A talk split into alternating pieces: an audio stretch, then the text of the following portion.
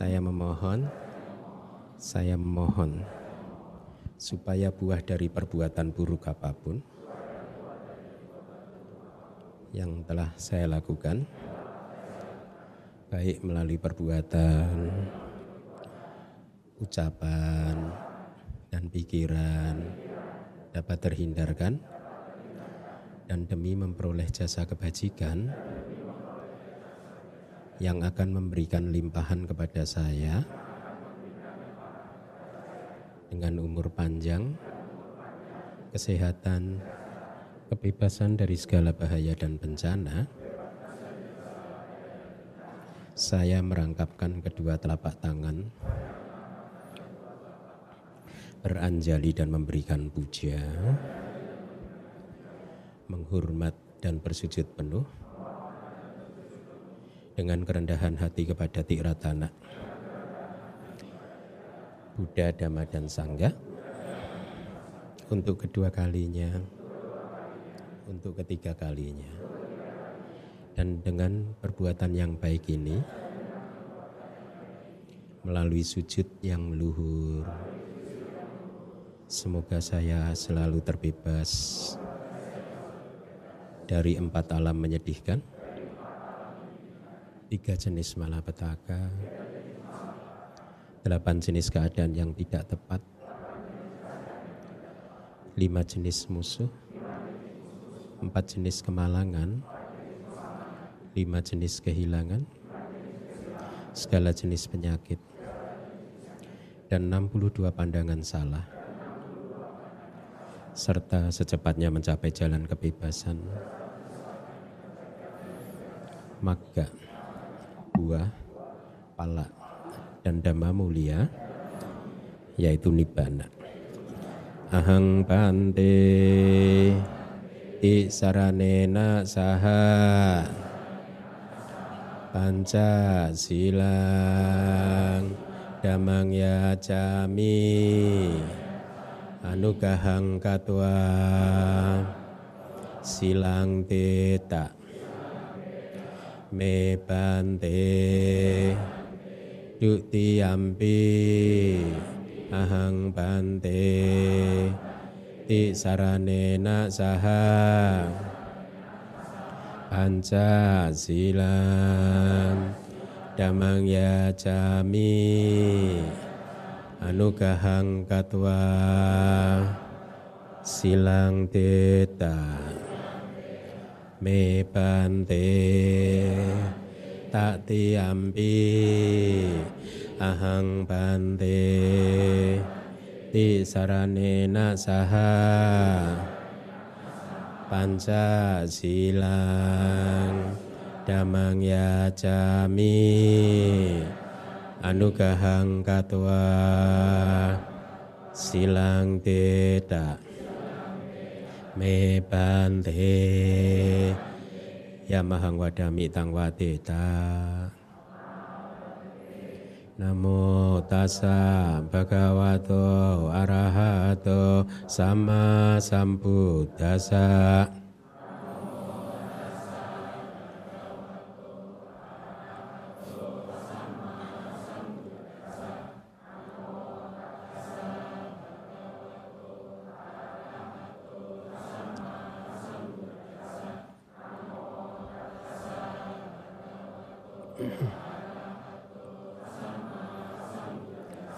Budang seranang gajami, damang seranang gajami, sanggang seranang gajami.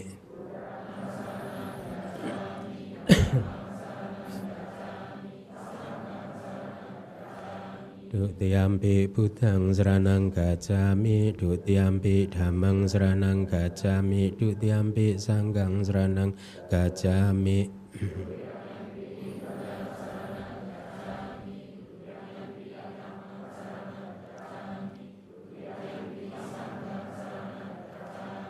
Tatiampi budang seranang gajami, tatiampi damang seranang gajami, tatiampi sanggang seranang gajami.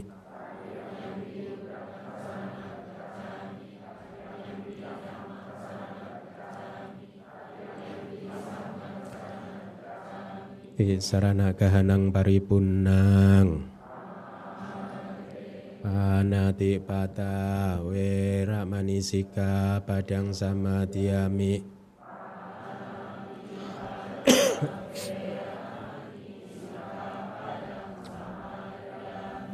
Adina dana we ramanisika padang sama tiami.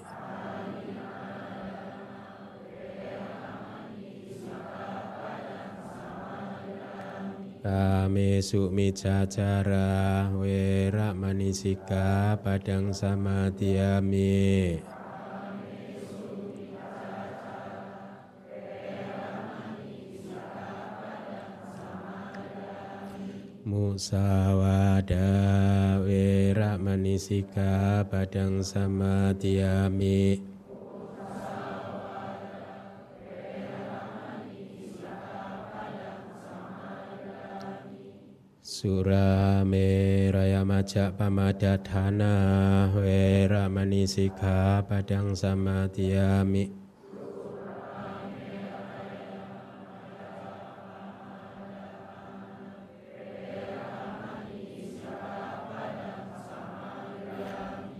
Idang me punyang.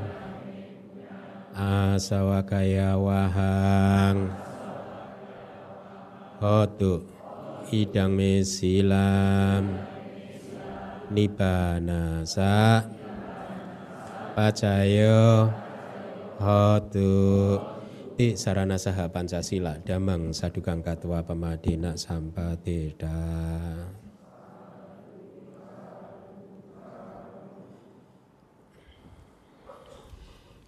baik uh, Selamat pagi lagi, semoga Anda semua berbahagia. Ya. Kita bertemu lagi di hari Minggu untuk sebenarnya sangatlah bagus pada saat ritme kehidupan Anda selama satu minggu kemarin, tujuh hari kemarin, itu berjalan dengan sangat cepat sekali ya. Buat batin pikiran yang tidak terlatih, yang tidak biasa dilatih, tidak biasa dikendalikan ya dengan latihan-latihan bertahap yang diajarkan oleh Buddha seperti sila dan lain sebagainya tentu akan menjadi sangat sulit sekali untuk bisa mempertahankan suasana hati untuk tetap damai mempertahankan suasana hati untuk tetap positif ya untuk tetap sabar, untuk tetap bisa mengembangkan cinta kasih, ya, meta, mengembangkan karuna, mengembangkan kebijaksanaan dalam ritme-ritme kehidupan yang cepat sekali seperti itu. Ya, jangankan yang belum terlatih, yang tidak terlatih, bahkan mereka yang sudah terlatih pun juga akan merasakan bahwa pada saat ritme kehidupan ini berlangsung dengan sangat cepat sekali, maka sering kali kita ini kehilangan arah. Seringkali kita berada dalam situasi di mana kita tidak tahu apa yang terbaik yang harus kita lakukan. Pada saat batin berada dalam kondisi kebingungan seperti itu, tidak tahu apa yang harus dilakukan, sering kali batin memutuskan, pikiran kita memutuskan, kita memutuskan keputusan-keputusan yang malah akan membawa jalan kehidupan ini ke arah yang makin keliru. Ya. Sangat bagus kalau kita segera sadar bahwa kita sudah mengalirkan kehidupan ini ke jalan yang keliru, ke arah yang keliru, maka kita segera bisa memperbaikinya. Tetapi banyak juga manusia-manusia yang bahkan seumur hidupnya tidak pernah sadar bahwa dia telah mengarahkan kehidupannya ke jalan yang keliru. Sehingga akhirnya apa? Akhirnya terlahir kelahiran sebagai manusia yang sangat sulit didapat yang harusnya menjadi kelahiran yang sangat berharga ini terbuang dengan sia-sia saja. Tidak hanya sia-sia dalam artian bahwa mereka bisa mengulanginya lagi nanti di kelahiran berikutnya untuk terlahir lagi di alam manusia atau terlahir lagi di alam surga. Enggak sering kali mereka yang salah arah akhirnya kelahiran yang baik sebagai manusia atau di alam surga ini menjadi kelahiran yang sangat sulit untuk dicapai karena seperti kata Buddha buat mereka yang batinnya tidak terkendali, mereka yang batinnya tidak terlatih, maka empat alam yang penuh penderitaan itu ibaratnya seperti rumah. Ini kata-kata Buddha. Karena empat alam yang penuh penderitaan seperti neraka, hantu, ya, peta, asura dan binatang itu adalah seperti rumah, maka ini hanya perumpamaan yang dipakai oleh Buddha untuk menunjukkan kepada murid-muridnya, kepada kita semua bahwa buat mereka yang seperti itu, seluruh perjalanan di dalam samsara akan sering sekali dilalui di kelahiran-kelahiran di alam yang rendah seperti itu.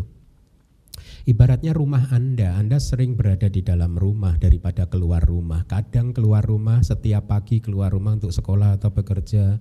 Kemudian sore harus kembali ke rumah lagi. Ya. Jadi empat alam yang penuh penderitaan menjadi seperti rumah kita karena apa? Kita tidak berlatih, tidak memanfaatkan kelahiran kali ini sebaik-baiknya, kita salah arah di dalam mengelola kehidupan kita sehingga akhirnya penderitaan yang berkepanjangan pun terjadi. Beberapa kali saya bertemu dengan umat ya yang karena satu dan lain hal akhirnya pikirannya menjadi sulit untuk diajak untuk berpikir yang baik. Sangat negatif, ya sangat penuh kecurigaan, sering mengeluh ini, komplain ini, komplain itu. Dan beberapa dari mereka yang saya temui itu saya merasa mereka sudah sulit untuk dirubah, sudah sulit untuk diperbaiki. Kenapa? Karena istilahnya kebiasaan-kebiasaan buruknya sudah sudah mengakar, sudah tebal. Ibaratnya panci kalau di dalam perumpamaan-perumpamaan ini. Anda tahu panci ya kalau zaman dulu kan membakarnya pakai kayu bakar. Panci itu kalau dipakai kayu e, memasak dengan menggunakan kayu bakar itu istilahnya apa itu pantat pancinya itu bisa hitam begitu kan? Kalau dia sudah tebal hitamnya udah bertahun-tahun udah nggak bisa diputihkan lagi. Mau dipakai sabun yang terhebat di seluruh alam semesta ini juga tetap saja tidak bisa diputihkan. Ya kira-kira seperti itu. Nah ada saja manusia yang seperti itu. Uh, dengan segala daya upaya apa pun akhirnya manusia-manusia tertentu tidak banyak tetapi ada yang akhirnya menyia-nyiakan kehidupannya sulit untuk diberi instruksi kalau kalau menurut kata-kata Buddha di dalam kitab suci gitu uh, akhirnya ya mereka akan menghabiskan membuang satu kehidupan itu dengan sia-sia tidak menjadi manusia yang berkembang tetapi sebaliknya malah uh, rugi merugi dalam keadaan merugi Bahkan di dalam kitab suci juga banyak diberikan contoh tentang beberapa biku atau beberapa umat yang sudah tidak bisa ditolong oleh Buddha lagi. Kenapa hal ini terjadi? Ya karena ada karma-karma penghalang yang menghalangi dia untuk bisa e, mencapai pencerahan. Nah, oleh karena itu kembali lagi mumpung saat ini kita semua ini terlahir sebagai manusia dan bisa mengenal dharma, maka manfaatkanlah kelahiran ini dengan sebaik-baiknya, ya. Arahkanlah kehidupan ini ke arah yang benar, ya ada banyak hal-hal yang perlu kita kembangkan di dalam kehidupan ini. Ada banyak hal-hal yang tidak perlu kita kembangkan di dalam kehidupan ini. Banyak manusia yang akhirnya memanfaatkan sepanjang kehidupannya, satu kehidupannya bahkan untuk mengembangkan hal-hal yang tidak perlu. Mengejar sesuatu yang tidak perlu ya dan mereka lupa untuk mengembangkan hal-hal yang perlu untuk dilatih perlu untuk dikembangkan. Nah, hal-hal yang perlu untuk dilatih dan perlu untuk dikembangkan itu salah satunya adalah 10 parami yang akan kita bahas uh, pagi hari ini. Kita sudah membahas selama tiga kali kelas ya dan saya harap Anda hafal pelajaran-pelajaran di kelas yang terdahulu yaitu parami yang pertama adalah apa? Dana, kemudian sila dan nekama. Itu adalah hal-hal yang perlu untuk kita latih, perlu untuk kita kembangkan. Selama aspirasi Anda adalah tetap ingin menjadi murid Buddha, di dalam perjalanan samsara ini, di kelahiran yang kapan pun, mau tidak mau di kelahiran besok Anda akan bertemu dengan Tripitaka. Anda akan bertemu dengan ajaran Buddha. Anda sering mendengar bukan? Ada ada contoh-contoh misalkan seorang seseorang seolah-olah baru pertama kali membuka kitab suci tetapi merasa dia sudah pernah kenal dengan kitab suci ini dan dalam waktu yang singkat dia bisa menghafalkannya. Dalam waktu yang singkat. Kalau orang awam mengatakan orang seperti ini otaknya sangat cerdas, tetapi dari penjelasan Buddhis tidak tidak sesederhana itu, tidak sesederhana bahwa dia ini cerdas, tetapi lebih pada bahwa dia cepat sekali bisa menghafalkan kitab suci karena di kehidupan yang lampau dia sudah menghafalkannya. Itu salah satu kemungkinan dan kemungkinan besarnya ya seperti itu. Jadi di kehidupan lampau dia pernah membaca, di kehidupan sekarang dia masih ingin jadi murid Buddha, ketemu kitab yang sama lagi, akhirnya begitu dibuka seperti seolah-olah udah familiar, eh saya kayaknya udah pernah. Nah, akhirnya dia cepat hafal. Jadi sekali lagi selama aspirasi kita ini adalah ingin menjadi murid Buddha di kelahiran mana pun nanti kita akan ketemu pariyati, akan ketemu pati-pati, akan ketemu parami, akan ketemu apa yang harus kita kembangkan yaitu parami ini dan juga ajaran-ajaran yang Buddha yang lain ya. Nah, parami yang keempat yang akan kita pelajari adalah panya atau lebih lengkapnya panya parami atau kesempurnaan tentang kebijaksanaan. Jadi kebijaksanaan pun juga harus kita sempurnakan. Masing-masing dari Anda, masing-masing dari kita sebenarnya mempunyai bibit parami sudah, ya. Dana sila kita juga di kehidupan ini saja kita sudah melatih berkali-kali. Di kehidupan-kehidupan yang dulu kita juga kemungkinan besar sudah melatih berkali-kali. Tetapi sampai hari ini belum sempurna atau bahkan banyak yang bahkan di kehidupan yang kali ini lupa untuk merawatnya, lupa untuk mengembangkannya. Akhirnya yang dikembangkan malah hal yang lain. Bukan seperti ibaratnya taman bunga yang ada bunganya, ada rumput liarnya. Yang dikembangkan bukan bunganya, bunga ini seperti ini, apa ini bunga apa ini? kan bagus ya sekarang altar kita banyak bunganya. Bunga-bunga inilah yang harusnya kita kembangkan di hati kita, bukan rumput liarnya. Rumput liarnya itu apa saja sih? Dalam hati ini juga ada rumput liarnya, kebencian kita, kemarahan kita, kecurigaan kita, ketidaksabaran kita dan lain sebagainya itu rumput liar. Nah, ini jangan diberi kesempatan untuk hidup. Nah, caranya bagaimana? Tidak dengan membunuh mereka dengan kekerasan, tetapi ya sudah kita lakukan saja yang positif saja, bunganya saja yang kita tumbuhkan dana kita tumbuhkan, sila kita tumbuhkan, nekama kita kembangkan, sekarang panya kita kembangkan. Kalau ini mereka 10 parami ini nanti berkembang dengan sempurna, maka nibana menjadi semakin dekat. Semakin dia berkembang, nibana menjadi semakin dekat. Nah, di dalam kelas parami ini saya memang memutuskan untuk tidak terlalu banyak membahas tentang praktek parami yang dilakukan oleh bodhisatta untuk akhirnya beliau bisa menjadi seorang sama-sam Buddha tetapi saya mencoba sedemikian rupa untuk mengambil materi ini dan menyampaikannya kepada Anda supaya sebagai umat perumah tangga atau sebagai orang atau saya juga sebagai seseorang yang tidak beraspirasi untuk menjadi seorang Buddha masih tetap bisa memahami ajaran ini dan kemudian masih applicable, masih bisa kita pakai, kita terapkan di dalam kehidupan kita sehari-hari. Nah, mari kita lihat apa saja informasi yang bisa kita dapatkan dari satu parami yang disebut kebijaksanaan ini, ya. Pertama, saya ingin ajak Anda untuk mengetahui lawan dari kebijaksanaan itu moha kebodohan kalau orang apa sering diterjemahkan di Indonesia sebagai kebodohan, kegelapan batin, tapi lebih tepat ini adalah delusi, khayalan-khayalan kita, ya. Kita ini sering berkhayal kan? Berkhayal telah melakukan uh, perbuatan uh, uh, yang baik padahal itu perbuatan yang kita lakukan itu tidak baik. Jadi dalam konteks moha ya, mohon tidak dicampur adukkan dengan abidama tetapi moha sebagai bentuk khayalan-khayalan kita, ketidaktahuan kita terhadap apa yang terjadi, ketidaktahuan kita terhadap apa yang sedang kita lakukan itulah moha dalam konteks parami ini.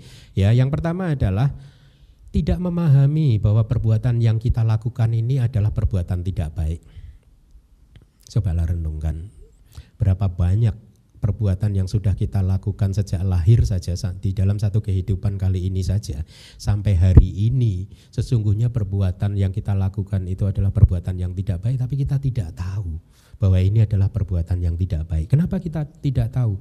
Ada banyak alasan. Salah satu alasan karena kita belum belajar pariyati, belum menguasai ajaran-ajaran Buddha, ya karena ajaran Buddha berisi daftar yang sangat lengkap, ya yang akan memberikan informasi kepada kita tentang apa sih yang disebut perbuatan baik dan apa itu yang disebut perbuatan yang tidak baik.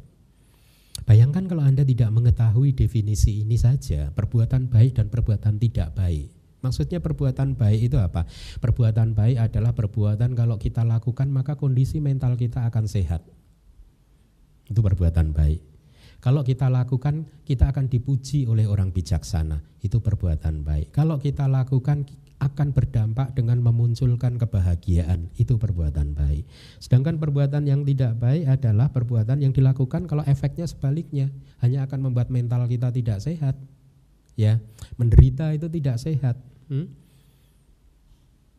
E, kemudian perbuatan tidak baik kalau kita lakukan akan dicela oleh orang bijaksana.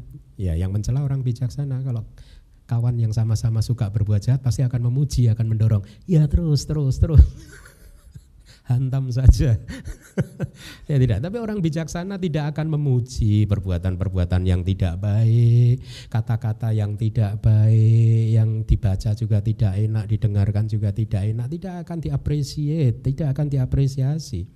Nah, lihatlah, renungkan. Sudahkah Anda mengetahui apa itu perbuatan baik dan apa itu perbuatan tidak baik? Belum tentu Anda yang ada di sini itu bisa bisa mengerti dengan jelas. Nah, inilah mengapa samsara bisa tanpa akhir. Lingkaran kelahiran dan kematian atau penderitaan ini bisa tanpa akhir karena manusia banyak yang makhluk banyak yang tidak tahu apa itu perbuatan baik dan apa itu perbuatan tidak baik. Langkah awal untuk kemajuan spiritual adalah pertama kita harus tahu ini perbuatan baik, ini adalah perbuatan tidak baik. Ini langkah pertama, fondasinya. Ya. Jadi yang kedua adalah yang masuk dalam kategori moha, delusi, khayalan, ketidaktahuan adalah tidak memahami bahwa perbuatan yang dilakukan adalah perbuatan baik. Lihat. Bahkan pada saat Anda melakukan perbuatan yang sesungguhnya adalah perbuatan baik, tetapi Anda tidak tahu bahwa itu adalah perbuatan baik, itu pun masuk dalam kategori moha, ketidaktahuan, delusi, khayalan. Kenapa bisa seperti itu Bante? Kan moha ini kan kekuatan yang tidak baik, akar yang tidak baik. Ya, kalau saya melakukan sesuatu yang baik tetapi saya tidak tahu bahwa ini adalah perbuatan yang baik, efeknya apa? Saya akan cenderung tidak mau mengulanginya lagi. Hmm? Saya akan cenderung bahkan mungkin memunculkan penyesalan. Yaduh, kayak si pemuda yang berdana kelebihan itu. Hah? Hah? Dananya jangan banyak-banyak. Akhirnya dia malah menyesal karena dia tidak tahu apa itu perbuatan baik dan perbuatan tidak baik. Efeknya menjadi sangat merusak. Bahkan pada saat seseorang melakukan perbuatan baik, tetapi karena kebijaksanaannya, panyanya tidak begitu kuat untuk memahami bahwa apa yang dia lakukan adalah sesungguhnya perbuatan baik, efeknya hanyalah penyesalan. Efeknya adalah penderitaan. Efeknya adalah kemudian hancurnya sadar banyak kan seseorang yang bahkan seorang umat Buddha yang tadinya mempunyai sadda, keyakinan terhadap Triratna, tetapi karena salah mengalirkan pikirannya, persepsinya, salah diarahkan ke arah yang keliru, akhirnya sadanya hancur. Dan efeknya apa? Kalau sadda hancur, yang rugi siapa? Bayangkan nih kalau 300-400 umat Anda yang ada di sini, sadda Anda hancur semua. Sehingga Anda tidak datang ke DBS yang rugi siapa? Bante Keminda? Enggak, saya untung. Kenapa untung? Karena berarti setiap minggu saya nggak harus duduk di sini. Nah, saya bisa duduk di hutan. yang rugi Anda. Kalau sada Anda hancur kepada Triratna, yang rugi Anda sendiri, kita sendiri. Kalau sada saya terhadap Buddha, Dhamma, dan Sangha hancur, yang rugi juga saya sendiri. Kenapa? Karena kemudian karena tidak mempunyai sada maka saya tidak mau berubah, saya tidak mau berjuang, saya tidak mau mengembangkan kualitas-kualitas hati saya yang positif, saya tidak mau melatih latihan-latihan bertahap yang diajarkan oleh Buddha. Ya, oleh karena itu definisi moha yang ini mari kita pahami. Bahkan pada saat anda melakukan perbuatan baik, tetapi anda tidak mengetahui bahwa yang anda lakukan itu sesungguhnya adalah perbuatan baik, itu pun juga tidak baik. Artinya tidak baik. Ya, Karena itu adalah uh, muncul dari ketidaktahuan, dari moha, ya. Nah, yang berikutnya adalah memahami secara keliru perbuatan buruk yang kita lakukan dengan kita menganggapnya sebagai perbuatan yang baik, sudah jelas. Ya. Kalau kita tidak bisa membedakan perbuatan baik dan perbuatan buruk, lihatlah banyak sekali manusia yang tidak sadar bahwa seumur hidup mereka telah melakukan perbuatan yang tidak baik. Hmm? Buddhism mengajarkan kepada kita untuk menahan diri, menghindarkan diri kita dari aktivitas yang bisa menyakiti makhluk lain. Tidak hanya menyakiti, yang lebih eh, apa tajam lagi kita berusaha menghindari diri ya menjauhkan diri dari perbuatan yang bisa membunuh makhluk lain. Hmm? Lihatlah, dulu pada saat Anda belum tahu bahwa membunuh nyamuk itu nggak apa-apa, lihat. Anda melakukan pembunuhan massal kan, killing fields di rumah Anda setiap hari kan? Tidak ya, bukan ya.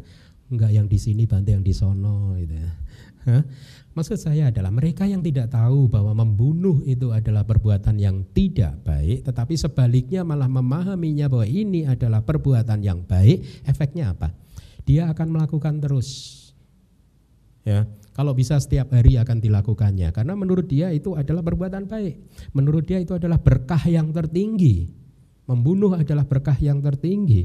Oleh karena itu dia akan cenderung lihat, renungkan Mari kita renungkan terhadap kehidupan kita. Berapa banyak perbuatan tidak baik yang kita lakukan yang kita anggap ini adalah perbuatan baik, kemudian kita cenderung untuk ingin mengulanginya terus. Hmm? Ini juga moha. Hal ini juga disebut sebagai khayalan-khayalan kita, ya. Dan sebaliknya, perbuatan baik eh, kita melakukan perbuatan baik, tetapi kita anggap ini sebagai perbuatan buruk pun juga moha. Kenapa? Karena kemudian kita akan cenderung menghentikannya ya tidak mau mengulanginya lagi sama dengan yang tadi muncul penyesalan dan lain sebagainya jadi sekali lagi ini kira-kira hal-hal yang perlu kita renungkan ya yang kemudian kita harus membenahi. Pandangan-pandangan kita yang salah ya ketidaktahuan kita kita harus benahi. Cara membenahinya bagaimana? Dengan mempelajari Tripitaka. Dhamma yang membebaskan hanya ada di Tripitaka dan itu dikatakan di dalam beberapa kali kesempatan oleh Buddha. Buddha mengatakan tidak ada pembebasan di luar ajaran Buddha, tidak ada.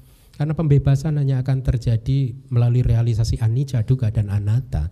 Ajaran spiritual di luar Buddhism mengakui mengajarkan juga anicca dan dukkha tetapi tidak mengajarkan anatta tidak mengajarkan ini tidak ada roh ini hanyalah kehidupan proses alamiah karena ada ada sentuhan misalkan ya panca indera dengan objeknya maka kita bisa melihat dan ini semuanya adalah proses alamiah tidak ada roh yang melihat tidak ada roh yang mendengar tidak ada roh yang berpikir semua hanyalah proses nama dan rupa proses batin dan jasmani nah inilah kebijaksanaan tidak ada pembebasan di luar Buddhism dan itu kata-kata Buddha. Tidak ada pembebasan di luar jalan mulia berunsur delapan. Ajaran yang tidak mengajarkan jalan mulia berunsur delapan, maka ajaran itu tidak akan pernah bisa mencerahkan. Ya, nah jadi inilah pentingnya pengetahuan. Inilah pentingnya pariyati, belajar Tripitaka. Saya sudah mendemonstrasikan atau kita sudah menghitung di kelas-kelas yang lalu bahwa Dua jam di dalam satu minggu untuk belajar seperti ini sebenarnya tidak banyak kan dibanding keseluruhan waktu kehidupan kita. Berapa persen dulu kita hitung? Empat persen? Ya, sedikit persen lah ya. Ya, kita nggak punya waktu untuk menghitung lagi. Kira-kira dulu kalau nggak salah empat persen. Itu pun mungkin dengan meditasi setengah jam setiap hari kali ya. Ya, empat persen dulu lihat. Hmm?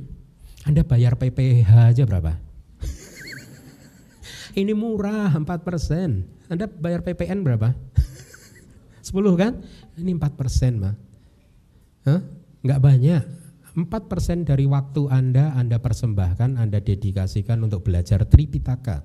Kenapa harus Tripitaka? Karena di situ banyak informasi yang baik.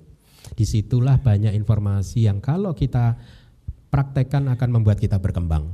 Kita sehingga akhirnya tidak menyia-nyiakan kelahiran yang sekarang ini. Ya, kita harus belajar ya kita harus belajar mumpung mumpung saat ini terlahir sebagai manusia gitu saya sudah pernah menyampaikan kepada Anda, buat Anda yang belum belum belum pernah mendengar uh, cerita ini, saya akan sampaikan kepada Anda yang belum mendengar. Seseorang yang tahu bahwa uh, ada dua orang, yang satu sama-sama melakukan perbuatan jahat, sama-sama melakukan perbuatan jahat. Yang satu tahu bahwa itu perbuatan jahat, yang satunya lagi tidak tahu bahwa itu perbuatan jahat, efeknya mana yang lebih fatal? Hmm? Yang tidak tahu kan?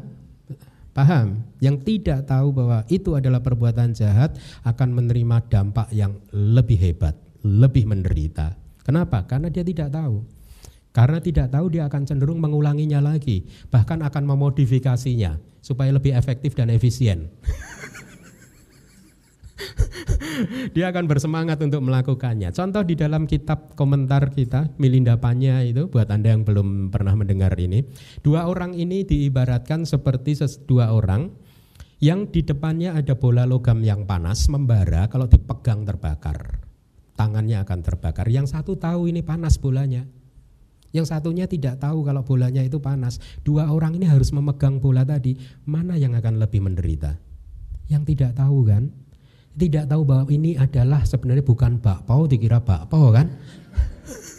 Udah diambil udah masuk nempel ke bibir terbakar semua. Udah tangan terbakar bibir terbakar. Kenapa? Karena akibat ketidaktahuannya. Sementara pemuda yang tahu bahwa bola logam, logam tadi adalah panas sekali apa yang dia lakukan? Kalau diminta untuk memegang dia akan menggunakan cara sedemikian rupa, rupa supaya tidak menyakiti dirinya sendiri terlalu banyak Ya, oleh karena itu pengetahuan belajar pariyati, belajar suta, belajar tripitaka itu penting sekali.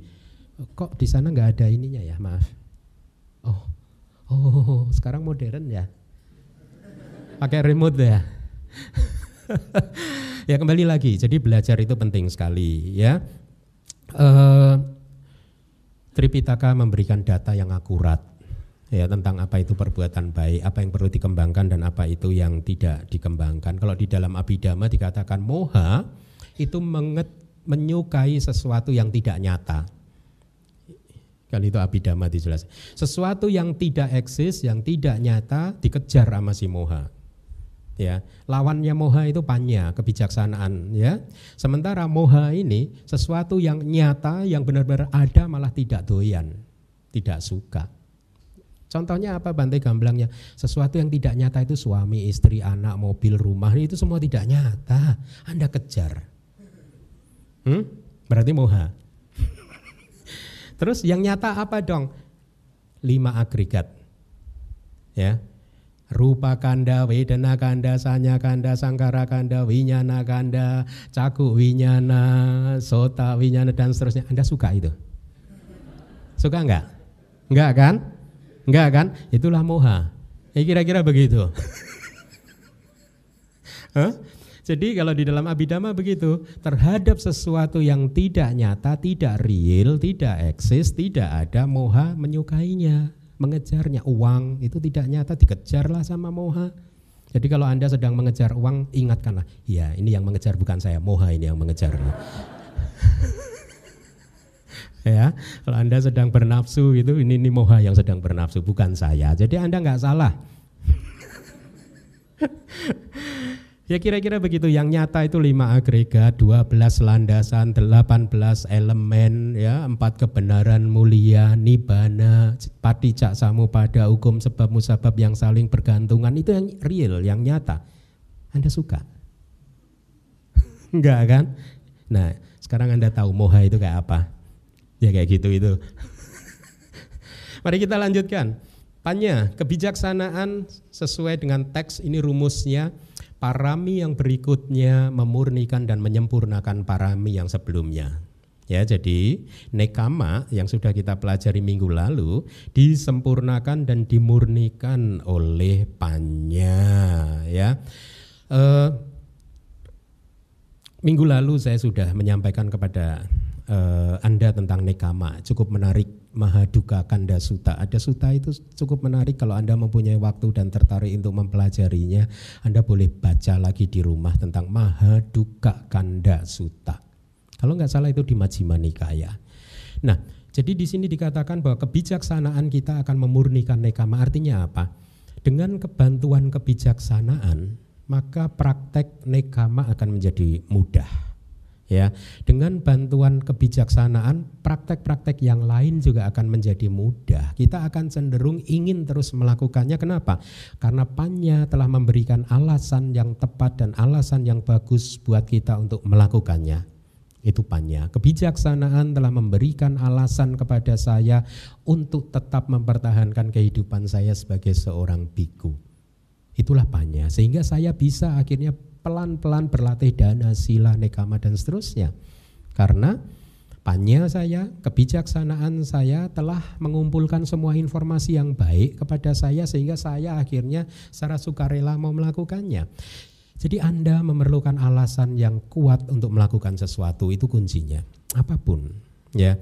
Oleh karena itu sering-seringlah atau menjadilah seseorang yang skillful, yang terampil untuk memotivasi diri Anda sendiri dengan memberikan alasan-alasan yang bijaksana untuk melakukan sesuatu. Pada saat misalkan kadang hari ini berlangsung sangat lambat membuat Anda bosan, tidak tahu apa yang harus Anda lakukan, Anda seolah-olah itu sedang berada di tengah-tengah gurun pasir tidak tahu harus ke kiri ke kanan atau apa. Terus kemudian lihatlah batin akan cenderung malas-malasan tinak mida inginnya tidur tidur tidur malas saja. Pada saat itu pandai-pandailah diri Anda untuk memotivasi diri Anda. Menemukan motivasi yang tepat sehingga semangat Anda tumbuh lagi untuk melakukan hal yang baik. Sehingga kehidupan ini menjadi tidak sia-sia, tidak diisi dengan makan tidur, makan tidur, makan tidur ya. Jadi itu yang disebut kebijaksanaan. Jadi artinya untuk melakukan hal yang baik Anda memerlukan kebijaksanaan yang akan dijadikan sebagai alasan buat kita, buat Anda untuk melakukannya. Tanpa alasan, tanpa kebijaksanaan, kita akan cenderung malas untuk melakukan hal-hal yang terbaik. Nah, bagaimana kita mempraktekkan nekama seperti yang sudah kita uh, ajarkan atau kita pelajari di minggu lalu kalau kita tidak mengerti kebijaksanaan kita atau kita tidak mempunyai pengetahuan kenapa saya harus melakukan nekama. Ada berapa faktor perenungan nekama yang sudah kita pelajari minggu lalu? Ada tiga yang harus kita renungkan. Yang pertama apa? Meninggalkan kepuasan atau kenikmatan-kenikmatan indriawi. Tetapi bagaimana kita meninggalkan kepuasan dan kenikmatan indriawi ini kalau kita tidak mempunyai alasan yang baik? Kenapa saya harus meninggalkannya? Dan Buddha dengan sangat skillful di Mahaduka Kanda Sutta minggu lalu mengatakan, ya kenikmatan indriawi ini lihatlah seumur hidup Anda umat perumah tangga mengejar kepuasan, kepuasan indera-indera Anda anda belajar, kita semua dulu belajar di sekolahan SD, SMP dan seterusnya adalah demi untuk memuaskan panca indera kita. Kenapa? Karena kalau dengan sekolah yang tinggi nanti saya bisa mencari uang lebih banyak lagi. Nah, uang lebih banyak maka saya akan puas, panca indera saya akan puas. Tetapi pernahkah kita merenungkan bahwa untuk bisa mendapatkan apa yang sudah Anda dapatkan kali ini di, di umur-umur Anda saat ini, banyak sekali penderitaan yang sudah Anda keluarkan? Hmm? Lihatlah, dulu waktu SD disuruh maju ke kelas, ke depan kelas sudah deg-degan, stres, menderita. Besok ulangan malam ini belajar nggak tidur, stres lagi, menderita lagi ya. Ujian skripsi dipanggil sidang skripsi, stres lagi ya. Makanya waktu di Singapura saya diberi beasiswa S3, enggak, enggak, enggak, enggak. Cukup, cukup, cukup, cukup. Saya membayangkan sidang disertasi kayak ah, cukup, cukup, cukup. Menderita. enggak lah. Meskipun ini beasiswa, enggak, udah enggak itu menderita. Hmm? Lihatlah, kita menderita.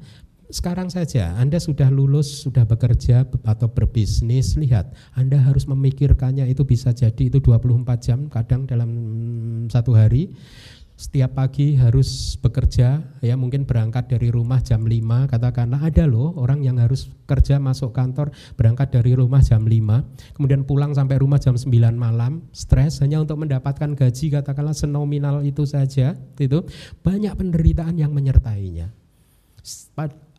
Terus Mahaduka Kanda Sutta kan juga mengajarkan kepada kita, kalaupun cita-cita kita tercapai, kita tetap gelisah. Bagaimana ini menjaga kekayaan saya supaya tidak hilang? Tetap aja gelisah. Kita tidak bisa menikmati, kita curiga ini ini kok baik tiba-tiba tumben baik sama saya, kenapa ya ini ya gitu.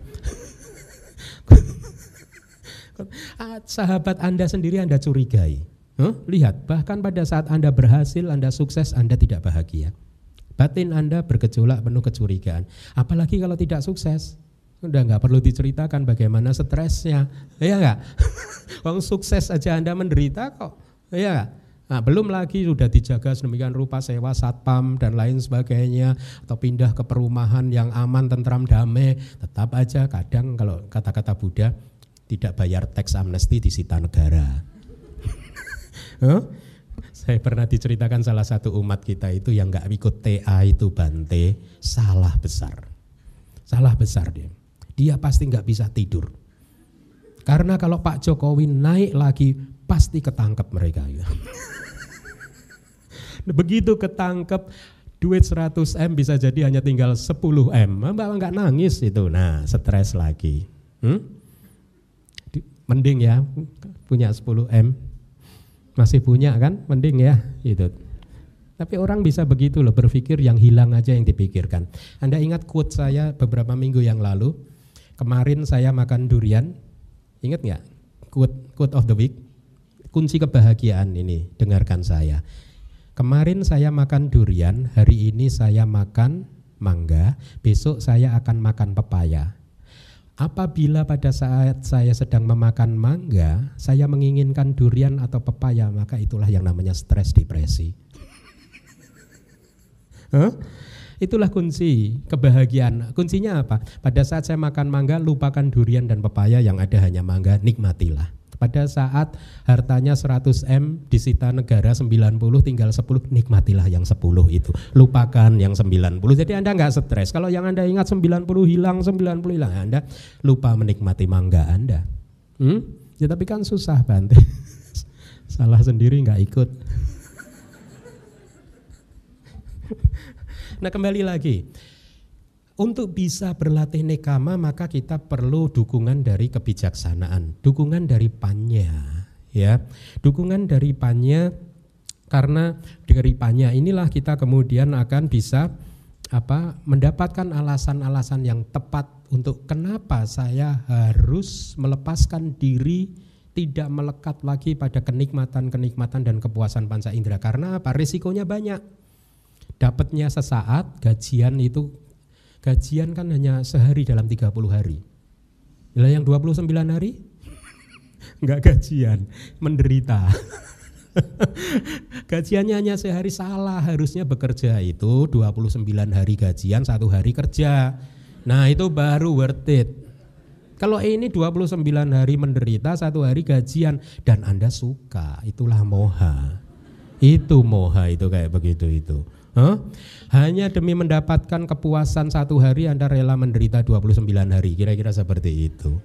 Kira-kira seperti itu. Semua kepuasan-kepuasan panca indera Anda hanya memberikan kenikmatan sesaat saja.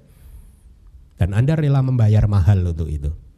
Anda rela membayar mahal dengan penderitaan yang 29 hari tadi. Nah, atau Ya, nekama itu apa? Meninggalkan tubuh e, kemelekatan atau pelekatan terhadap tubuh jasmani. Mahaduka Kanda Sutta memberikan contoh yang bagus kan? Kita harus mengetahui ya memang tubuh jasmani memberikan manis, rasa enak, manis seperti permen asada ya, memberikan kepuasan, memberikan kenikmatan. Contohnya apa?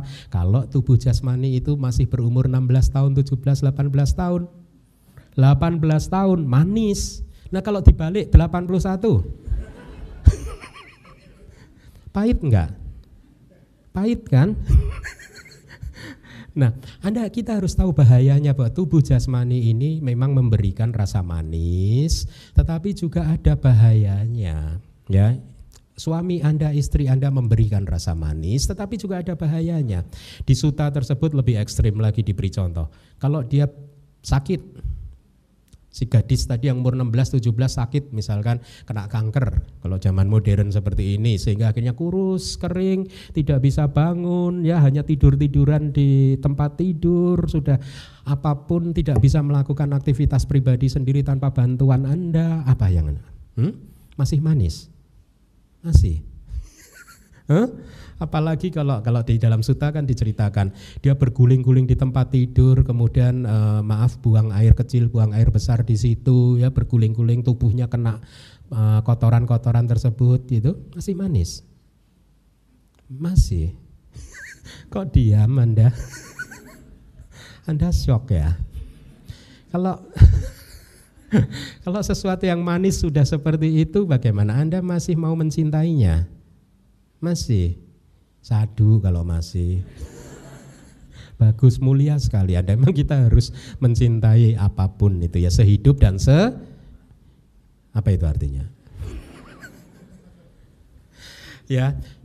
Nah, kebijaksanaan membuat kita mampu melihat kehidupan ini dengan lebih lengkap lagi. Bahwa ternyata di samping ada manisnya, hidup juga ada bahayanya. Betul tidak? Itu kebijaksanaan.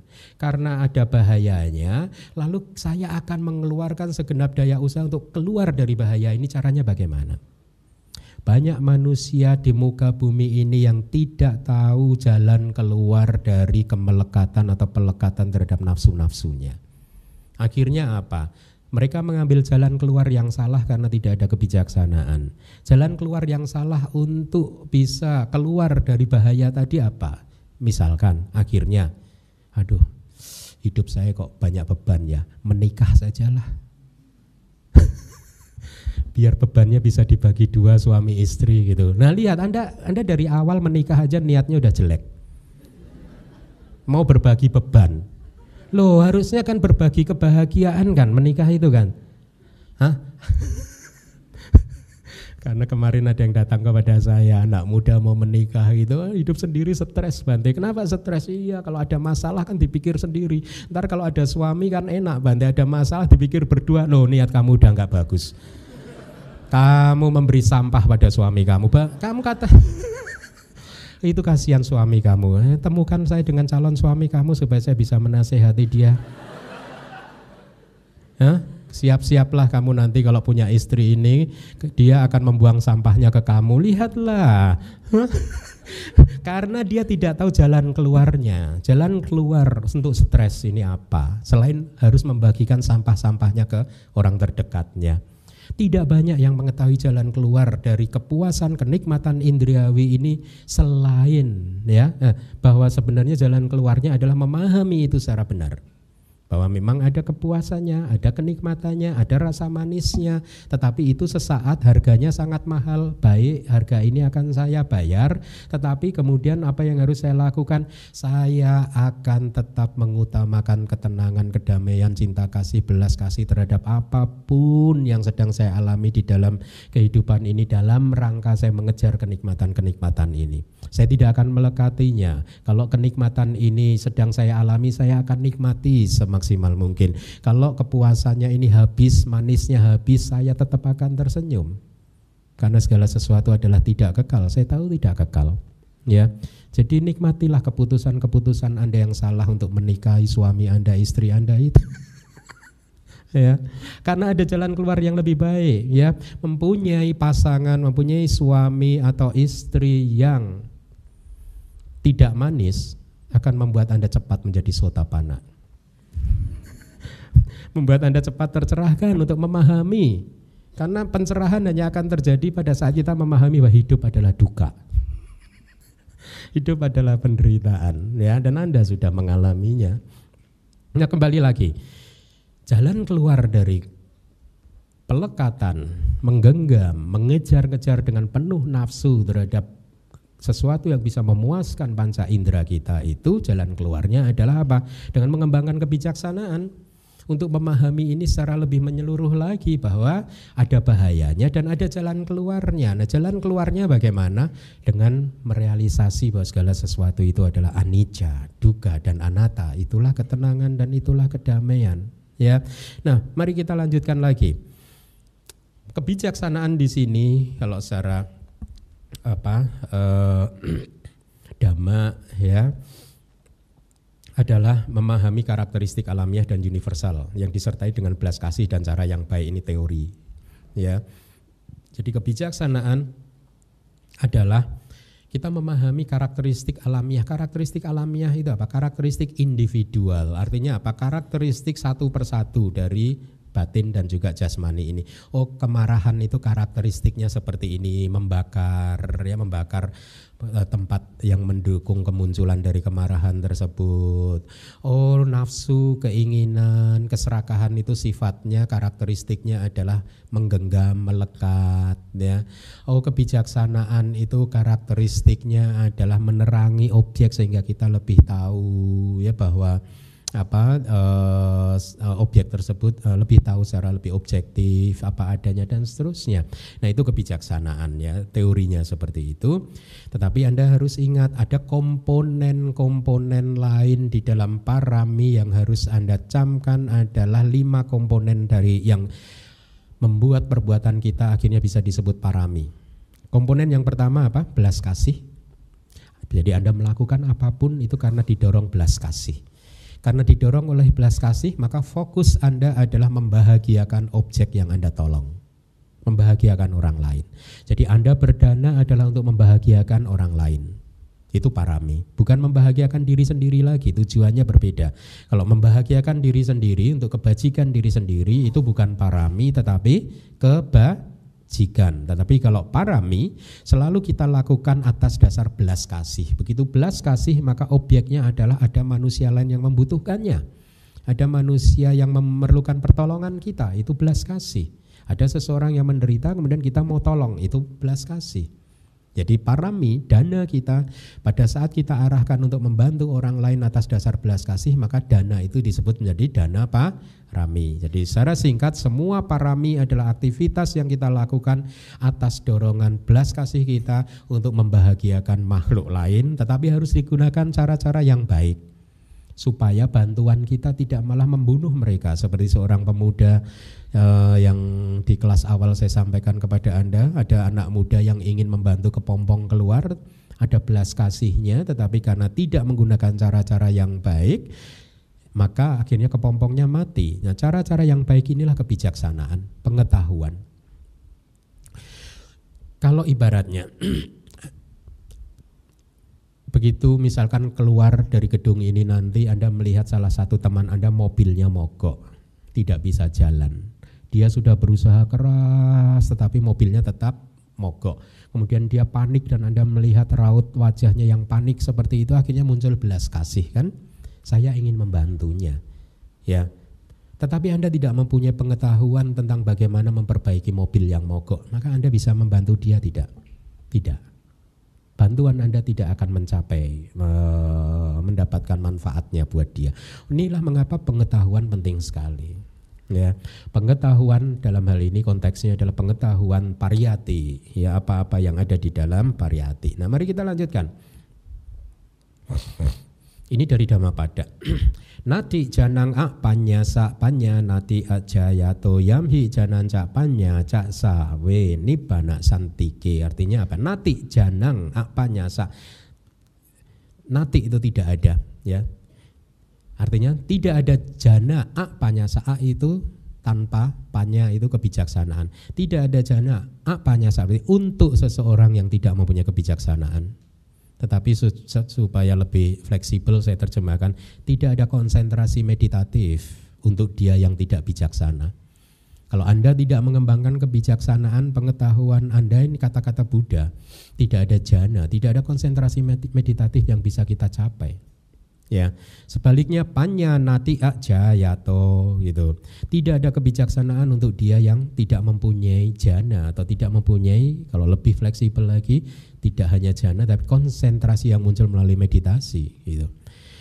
Di dalam siapa terdapat konsentrasi atau siapa yang mempunyai konsentrasi meditatif eh, dan kebijaksanaan, maka dia benar-benar dekat pada nibbana. Ini kata-kata Buddha. Kalau kita berbicara pada aspirasi kita untuk segera keluar dari segala bentuk penderitaan, maka kita harus mengembangkan panya kebijaksanaan kita. Kita juga harus mengembangkan konsentrasi kita melalui praktek-praktek meditasi kita, ya. Karena apa? Lihat saja saat ini batin kita tidak terkonsentrasi, samadhi kita belum berkembang. Samadhi konsentrasi yang tidak berkembang tidak mampu melihat segala sesuatu ini secara terang benderang. tidak mampu melihat segala sesuatu secara objektif. Inilah mengapa kita sering salah mengambil keputusan. Kenapa?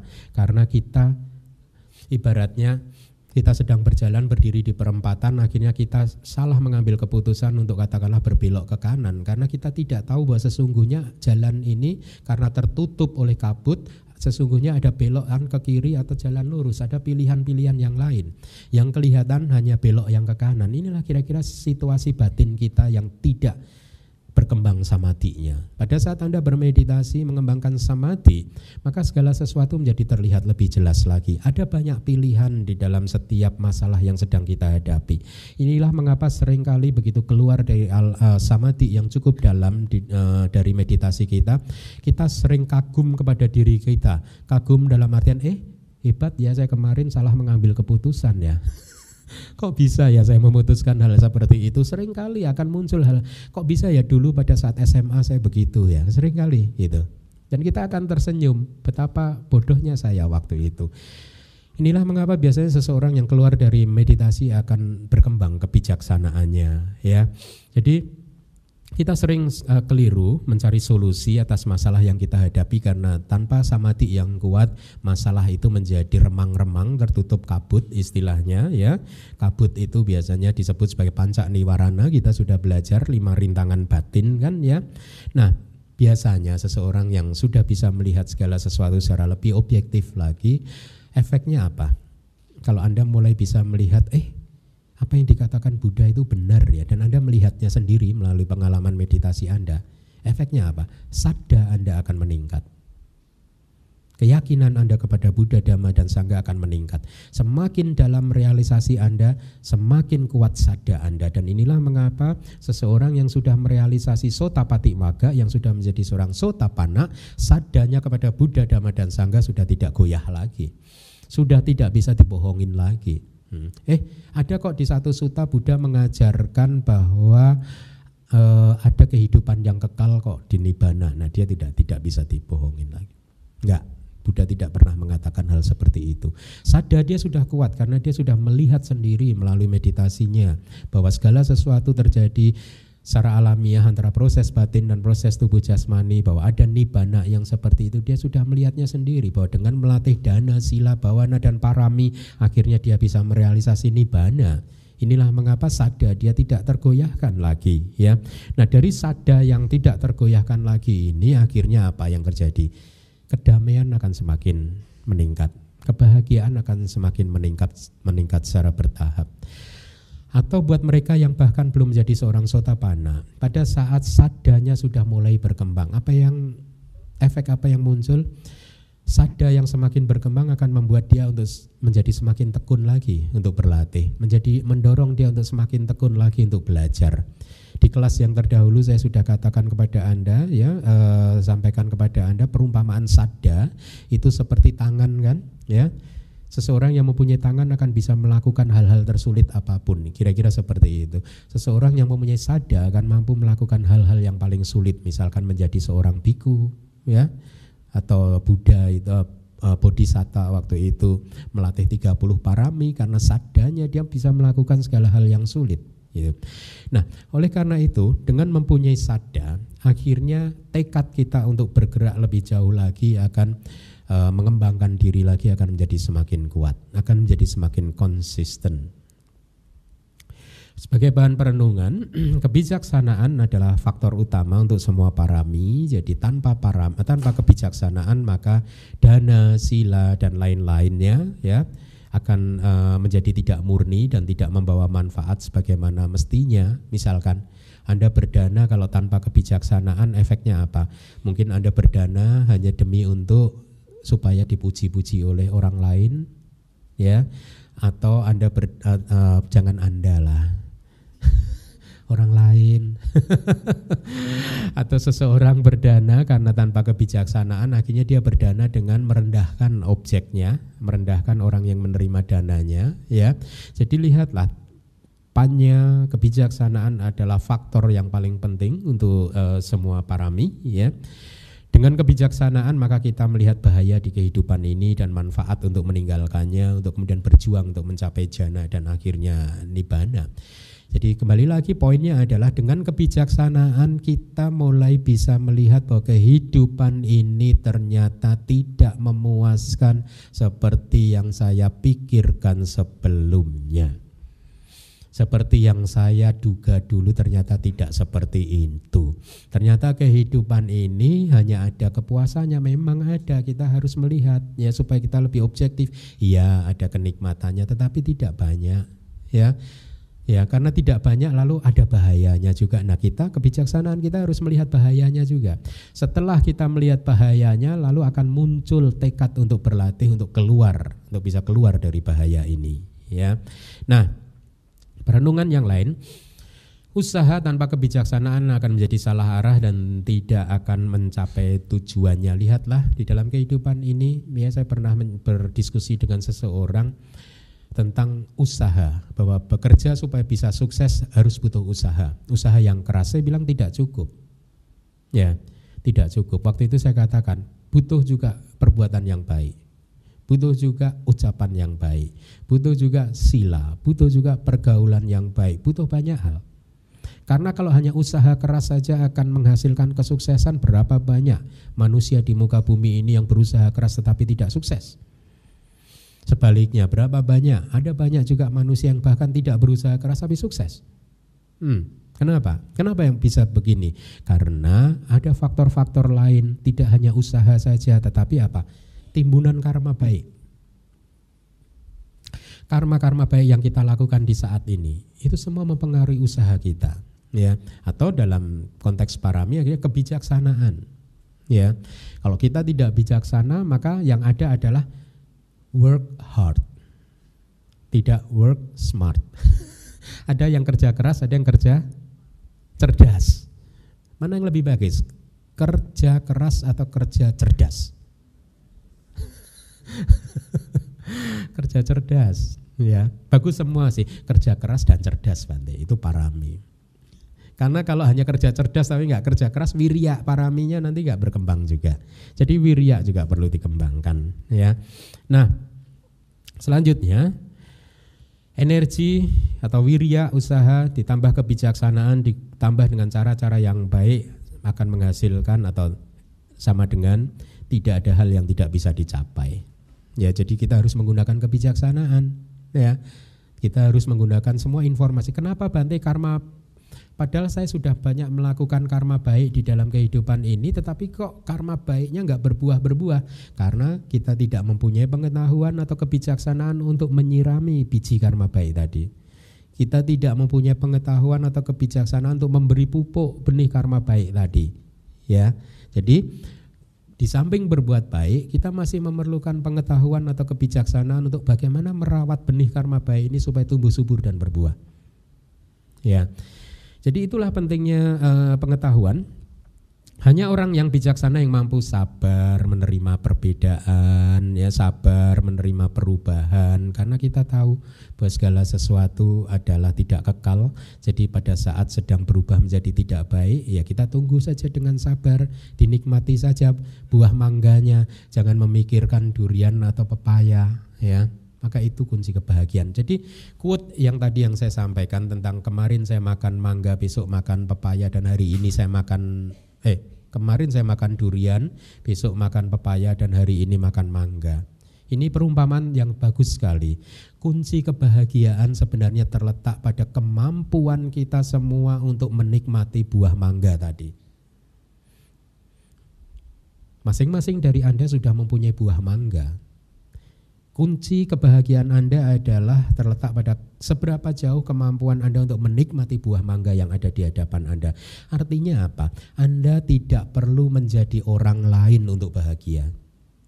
Masing-masing dari Anda sudah mempunyai modal yang bagus untuk bahagia. Kita semua bisa berbahagia. Kita deserve to be happy. Semuanya dari kita, ya. Jangan berpikir bahwa Bante nasib saya kok sial banget tidak beruntung tetangga yang sebelah. No. Yang sial adalah pikiran kamu. kamu tidak sial, kamu pikiran kamu yang membuat kamu sial karena sebenarnya kita sudah mempunyai modal untuk bahagia. Kita tidak perlu menjadi orang lain untuk hidup bahagia. Itu kuncinya. Anda bisa bahagia dengan siapa diri Anda saat ini. Semuanya itu sudah cukup modal untuk bahagia. Maka kuncinya satu, nikmatilah buah mangga yang ada di depan Anda. Artinya apa? Nikmatilah apa yang sedang apa yang Anda punya saat ini. Hmm? Itu kunci kebahagiaan. Jangan dianggap bahwa orang yang sukses pasti akan bahagia. Banyak orang sukses yang stres. Banyak orang sukses yang menderita. Kenapa? Karena dia merindukan durian dan pepaya. Hmm? Akhirnya dia lupa menikmati duriannya. Dia masih menginginkan orang menjadi orang lain. Dia ingin lebih sukses lagi dari kompetitornya. Akhirnya dia lupa menikmati buah mangga yang ada di hadapannya. Jadi sekali lagi kita semua cukup modal untuk bahagia. Oleh karena itu belajarlah seni untuk bahagia yang sangat sederhana yaitu apa? Menikmati buah mangga. Anda belajar mengupas nanti di rumah beli mangga dulu ya.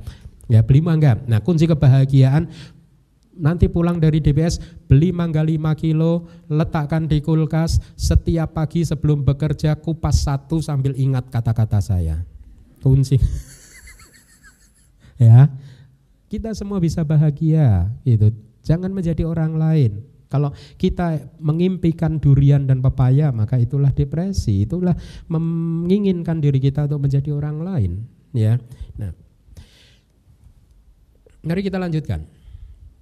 Cara mengembangkannya adalah dengan menghindari delusi, ya, supaya panya kita berkembang, menghindari menghindari khayalan, opini, ya.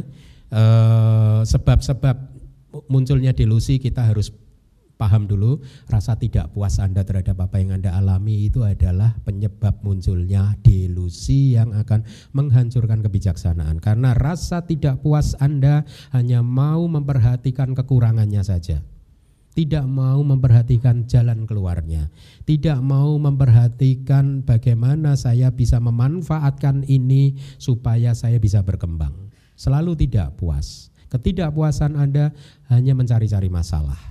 Tidak kebijaksanaan itu namanya. Malas, ya. Orang yang malas kebijaksanaannya tidak berkembang, menyukai keramaian, ya, artinya apa? Ya menyukai keramaian ya nonton ini nonton itu kumpul ini kumpul itu chit chat ini bergosip bergunjing ini bergunjing itu dan lain sebagainya. Tidak antusias untuk belajar dhamma ya. Itu sebab munculnya moha. Tidak ada tekad untuk berubah tidak bergaul dengan orang atau bergaul dengan orang yang tidak bijaksana tidak suka mendekat pada orang yang bijaksana dan pandangannya terdistorsi. Artinya apa? Terdistorsi itu kebalik pandangannya. Sesuatu yang tidak kekal dianggap kekal sesuatu yang sebenarnya duka dianggap suka, ya. Sesuatu yang sesungguhnya tidak ada diri, tidak ada aku dianggap ada diri, ada aku. Nah, itu yang namanya terdistorsi, pandangannya terbalik, ya, terjungkir balik gitu. Nah, mengembangkan kebijaksanaan itu muncul kebijaksanaan yang berkembang itu adalah hasil dari satu proses proses itu membutuhkan waktu, membutuhkan ketekunan, membutuhkan tekad, membutuhkan disiplin yang baik seperti yang Anda sudah kembangkan setiap hari Minggu menyempatkan datang ke DBS ini satu proses ya. Ibaratnya anda sedang mengisi satu ember ini dengan tetesan kebijaksanaan satu tetes, satu tetes, satu tetes. Nanti setelah tiga tahun, lima tahun akan terasa bahwa kebijaksanaan Anda sudah berkembang. Ember ini sudah mulai terisi air, sudah cukup penuh, dan Anda mulai bisa melihat ada transformasi kehidupan, transformasi kualitas kehidupan. Bahwa kehidupan saya sudah mulai semakin sering mengalami kedamaian, semakin sering mengalami ketenangan, dan saya sudah mulai bisa melihat pentingnya mempertahankan ketenangan dan kedamaian, pentingnya untuk berada atau bergaul dengan orang-orang yang toksik, yang beracun, yang penuh kilesa, yang penuh kemarahan, penuh kebencian gitu ya. Pentingnya untuk bisa bergaul dengan orang-orang yang baik karena dari orang-orang yang baik saya belajar untuk melakukan karma baik. Karma karma itu muncul melalui berapa pintu? Tiga, apa saja? Pintu, tubuh, pintu, ucapan, pintu, perbuatan. Di zaman modern ada pintu keempat.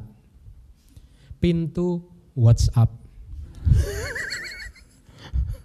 nah kadang ada saja ya kalau kita hati-hati zaman sudah berubah ya zaman sudah berubah. Sekarang komunikasi lewat WhatsApp. WhatsApp bisa pintu menjadi pintu untuk melakukan karma karma juga. Baik itu karma baik atau karma buruk. Jadi pada saat Anda mengetik di HP Anda di grup atau di apa gunakanlah kata-kata yang penuh cinta kasih. Gunakanlah kata-kata yang didorong oleh kebijaksanaan. Nah itu adalah pintu karma baik yang disebut pintu WA. Huh? Tapi pintu WA juga bisa menjadi pintu karma buruk. Kalau Anda pada saat berkata-kata mengetik di WA, Anda menggunakan kata-kata yang tidak baik, yang didorong oleh kemarahan, malu, dibaca orang lain, ya. Semua kita bergaul dengan masing-masing dari kita Anda bisa saling menilai kan bahwa kita ini manusia yang baik atau manusia yang tidak baik ya. Teman-teman Anda bisa menilai dari kata-kata di WA Anda itu. Hmm? Maka mengembangkan rasa malu ini penting ya, rasa malu lah.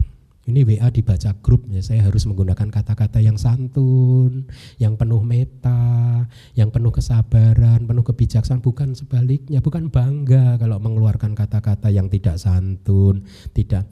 Banyak kan apalagi Indonesia ini. Hmm? Indonesia kan begitu kan, kalau Anda suka sosial media, saya diberi cerita, katanya di sosial media ini sekarang banyak istilahnya apa?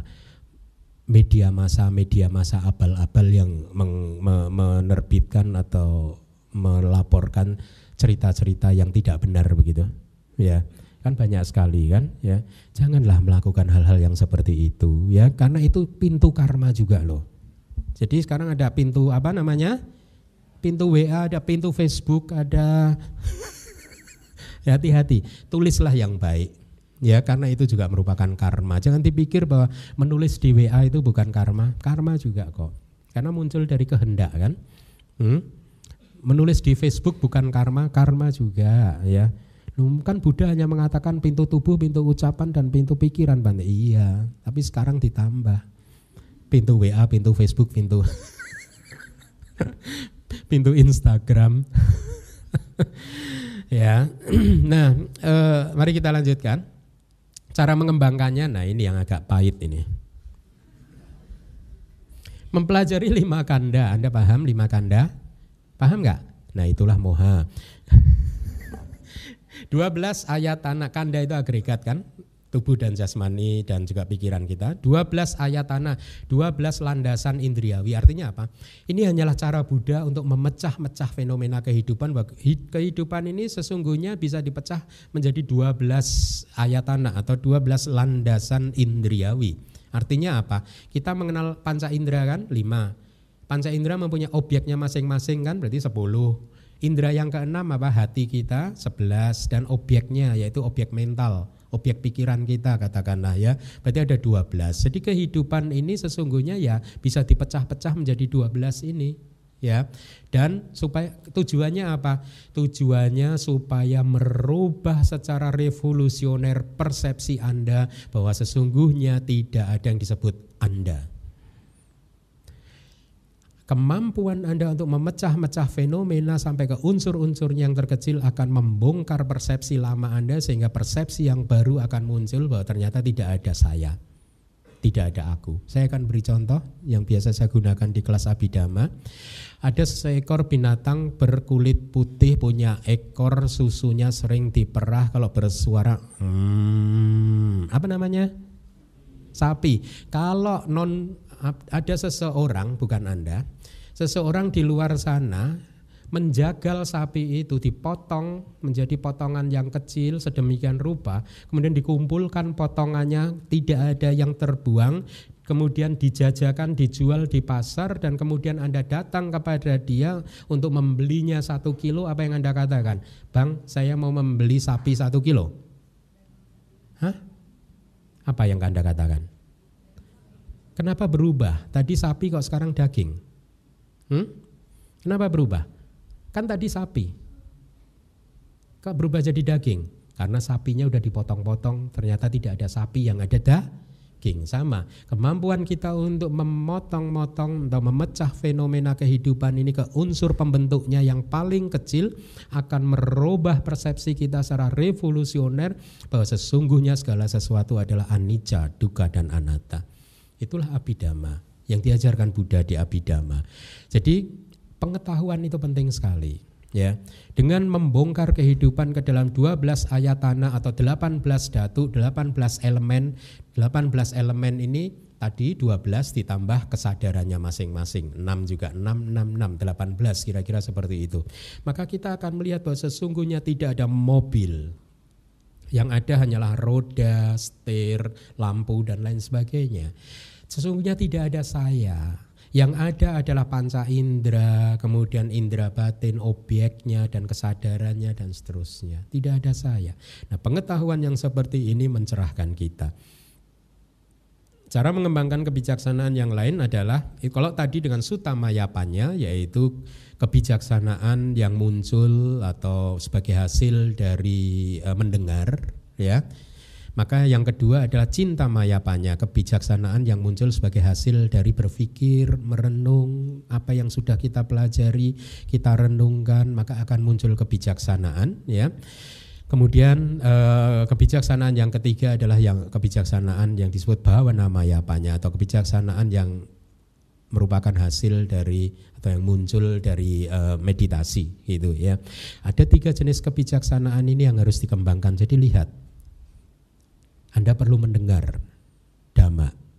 Anda perlu kemudian merenungkan dhamma tersebut. Tetapi dua kebijaksanaan ini memang benar tidak akan bisa membuat kita menjadi seorang suci, menjadi seorang sotapana, tetapi paling tidak dua kebijaksanaan ini akan memberikan data kepada kita untuk bisa kita pakai di dalam kehidupan sehari-hari sehingga kita tidak salah di dalam kehidupan sehari-hari. Nah, kebijaksanaan yang mencerahkan adalah kebijaksanaan yang muncul melalui realisasi meditasi. Ini adalah kebijaksanaan yang muncul pada saat nanti Anda ikut retret Desember nanti, ya.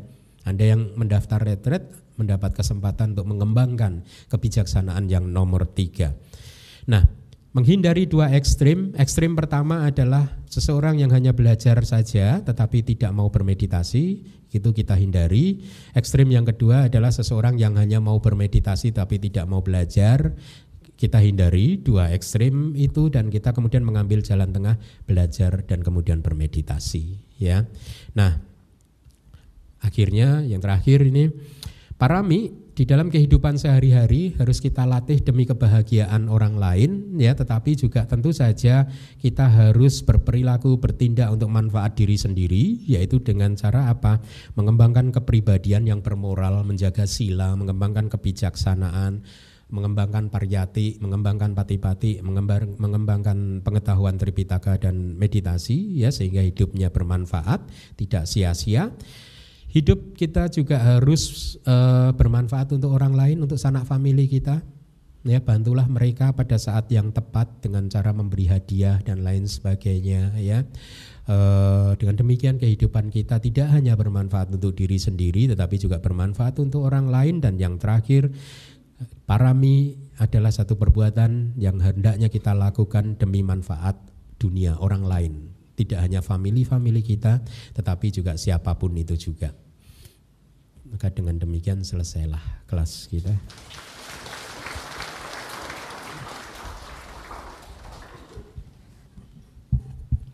Nama budaya Bante.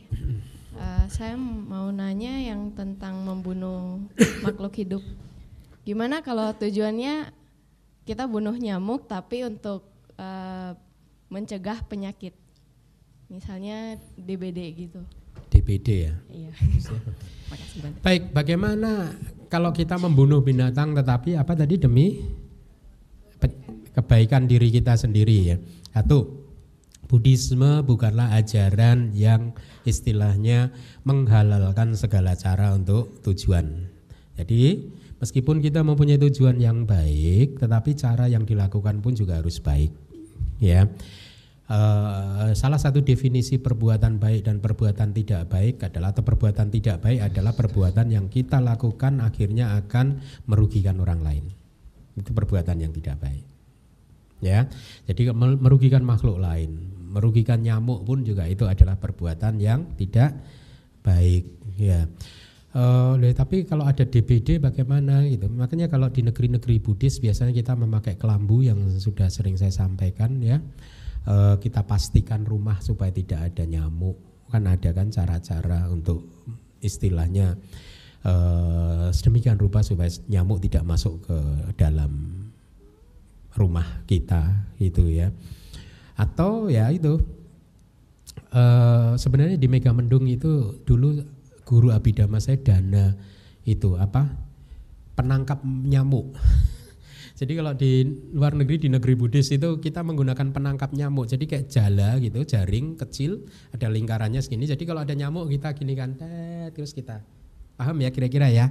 Nah setelah itu kita keluar rumah kita lepas lagi dengan penuh meta. Sana cari makan di luar.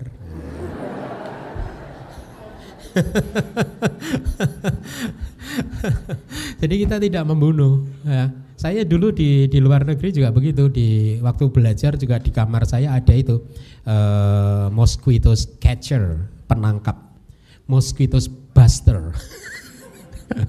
Bukan lah dengan penuh meta kita nangkapnya. Kita pastikan itu. Kita masukkan ke kalau ada nyamuk itu ya uh, terbang, kita jaring, cep, kemudian kita tutup jaringnya, kita buka pintu, kita keluarkan lagi. Begitulah.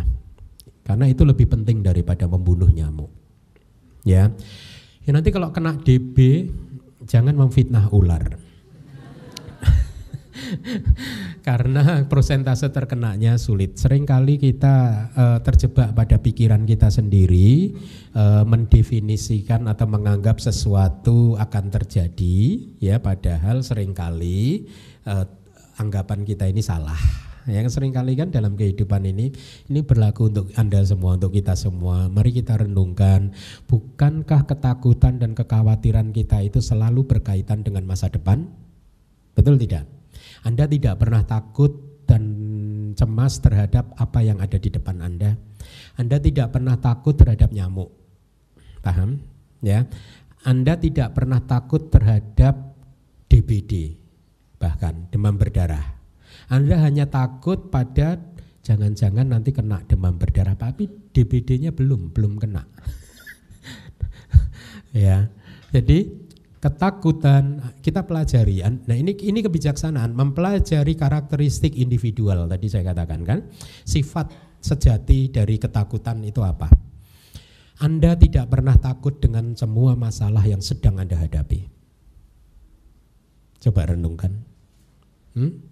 Anda tidak takut terhadap masalah yang sedang Anda hadapi. Anda takut terhadap sesuatu yang menurut Anda nanti akan terjadi. Makanya saya gunakan istilah jangan memfitnah ular. Karena dulu 15 tahun, 20 tahun yang lalu tiba-tiba setelah pada saat bermeditasi kilas balik begitu saya melihat dengan jelas pengalaman saya di hutan setiap harinya melihat ular ini, melihat ular itu sampai kemudian saya kaget, eh Ternyata saya nggak pernah takut dengan ular ya. Karena di meditasi itu semua kilas balik itu muncul lagi kan. Ular-ular itu muncul lagi, pengalaman itu muncul lagi. Loh, ternyata saya pada saat bertemu ular saya perhatikan benar-benar pada momen itu tidak ada rasa takut loh. Kemudian saya kontemplasi, saya tembus lagi. Kenapa kemarin-kemarin saya takut? Lalu muncullah kemudian pemahaman yang sangat dalam bahwa semua ketakutan saya hanya muncul pada saat saya memfitnah ular. Jangan-jangan ular ini berbisa, jangan-jangan ini nanti menggigit saya, jangan-jangan karena saking berbisanya saya nggak sempat keluar hutan, nggak bisa berteriak-teriak, nggak ada yang menolong, saya mati di dalam hutan. Jangan-jangan, jangan-jangan, jangan-jangan, jangan-jangan, akhirnya saya stres sendiri. Dan empat tahun saya tinggal di hutan selama empat tahun ini boleh saya katakan setiap hari saya melihat ular pagi, siang, sore, malam saya melihat ular tidak pernah digigit ular. sampai hari ini. Tidak pernah. Tapi di masa lalu saya sudah sering kali memfitnah ular ribuan kali. Dia mau gigit ini, dia akhirnya apa? Kita bunuh, nek. Lu kenapa dibunuh? Kalau enggak saya bunuh dia akan gigit saya. Nah, itu artinya apa? Artinya mencari-cari alasan untuk mengizinkan kriminalitas terjadi. Sering kali kita mencari pembenaran untuk mendukung sifat kriminal kita, ya enggak? Apa itu kriminal menyakiti makhluk lain? mencari alasan, mencari pembenaran. Sama DPD tadi, ya, nyamuk kan harus dibunuh, Nah, itu mendukung sifat kriminal kita. Lalu bagaimana? Ya, kita gunakan berbagai cara. Tutup pintunya dengan kasa nyamuk, semua lubang ditutup, ya. Nah, kemudian jam-jam tertentu kalau sudah masuk kamar gitu uh, jam misalkan jam 9 mau masuk kamar jam 8 pakai itu tadi mosquitoes buster tadi. Dikejar moskitonya pakai jaring tadi ditangkapin dikeluarkan semua habis itu. Hiduplah berbahagia di dalam kamar tersebut. Itu ya jadi poinnya adalah Buddhisme tidak mengajarkan kepada kita untuk melakukan kejahatan demi kebaikan Kebaikan harus dilakukan tapi tidak boleh dilakukannya dengan kejahatan apa pun itu juga. Apa pun itu juga. Makanya Buddha mengajarkan kata-kata Buddha pada saat Anda misalkan ini beliau berkata kepada para biku, kalau kamu disiksa oleh penjahat, ya oleh kriminal, dipukuli, disiksa sampai tulangnya patah-patah, Bahkan pada saat seperti itu kamu masih memunculkan rasa dendam, marah, ingin balas dendam, maka kamu belum paham ajaran Buddha. Lihat. Sampai sedemikiannya. Karena yang lebih penting sesungguhnya adalah bukan mengenyahkan nyamuk. Yang lebih penting adalah mengembangkan meta terhadap nyamuk tersebut. Hmm. Makanya yang sering saya katakan kadang ada ajakan nyamuk di dalam ruangan. Kalau sudah menggigit saya, saya diamkan. Tetapi ini kebijaksanaan juga saya akan perhatikan nyamuk tersebut karena nyamuk ini sifatnya mohanya tinggi. Kalau didiamkan dia akan nyedot darah terus efeknya apa? Kegemukan, nggak bisa jalan, jatuh di lantai, keinjak yang lain yang nggak tahu mati. Nah biasanya saya perhatikan kalau kira-kira udah sebelum kegemukan kalau saya lihat udah six pack gitu ya dan saya akan tiup pelan-pelan cukup kamu nanti nggak bisa terbang loh Nah, perhatikan deh nyamuk-nyamuk itu kalau didiamkan dia akan nyedot terus. ya, maka butuh Anda untuk memperingatkan dia cukup untuk hari ini. saya sering memperhatikan kok nyamuk itu setahu saya umurnya tidak sampai satu minggu. Hmm? Makanya kalau ada nyamuk lolos masuk ke kuti saya itu saya saya perhatikan ya udah nggak apa-apa lah satu minggu gitu. Ya, jangan, waduh ada nyamuk nih, AC-nya kencengin lagi aja biar kedinginan nyamuknya. Jangan tuh niatnya udah jahat. nyamuk juga butuh makan, ya. Nyamuk juga rocker. juga makhluk maksudnya. Demikian ya. Oke, okay, terima kasih. Uh, pagi Bante, itu saya mau nanya soal masih menyangkut pembunuhan itu. Misalkan kalau membunuh dengan tidak sengaja itu gimana? Misalkan kita bersih bersih rumah ngepel nyapu gitu gimana? Itu aja. Makasih Bante. Ya, kalau tidak sengaja ya itu bukan karma membunuh. Tetapi jangan terus digitu-gituin terus. Kalau tahu kalau tahu ngepel di sudut ini selalu ada semut ya ya sudah. Gini, uh, kalau di dalam winaya sebenarnya itu kesalahan juga ya, tetapi kalau dalam konteks sandar karma itu bukan karma yang buruk karena tidak ada niat kan, ya. Tetapi ya Buddhism, Buddha mengajarkan kepada kita setiap kesalahan yang sudah terjadi ya ada tiga langkah yang harus kita lakukan. Oh saya salah ini saya tadi ngepel di sini ini berarti ya. Untuk apa? Supaya kita kebijaksanaannya berkembang. Oh berarti besok lagi saya kalau mengepel di daerah sini saya harus lebih hati-hati. Itu kebijaksanaan berkembang kan. Kemudian maafkan diri Anda sendiri ya saya hari ini salah. Yang ketiga ini yang penting, besok saya tidak akan mengulanginya lagi. Artinya apa? Jangan mengepel di situ lagi dengan ceroboh lagi. Harus dengan hati-hati gitu. Oh mentang-mentang Bante Keminda mengatakan kalau tidak sengaja itu berarti tidak salah. Berarti ya pura-pura nggak sengaja aja lah gitu gitu jangan terus juga berpikir begini berarti lebih baik nggak belajar dong Bante nggak tahu apa-apa berarti melakukan apa-apa kan nggak salah kan nggak ada niat nah itu kayak anak muda yang pegang bola panas tadi paham nggak ya jadi kita harus mengembangkan pengetahuan. Oh, kalau saya mengepel di sudut ini saya membunuh membunuh semut, besok tidak akan saya ulangi lagi. Ya. Tidak sengaja harus terjadi satu kali lagi. Eh satu satu kali saja jangan jangan diulang-ulang. Apa itu peribahasa yang tidak terjatuh dalam lubang yang sama selama dua kali apa? Tupai ya? Apa? Hah? Hah? Hah? Keledai, keledai tidak akan jatuh pada lubang yang sama untuk dua kali gitu. Ya. Jadi besoknya diusahakan untuk tidak terjadi lagi. Oke? Okay? Oh, iya, makasih banyak. Ya. Ada pertanyaan lagi, silakan. Ini depan ini ada nih.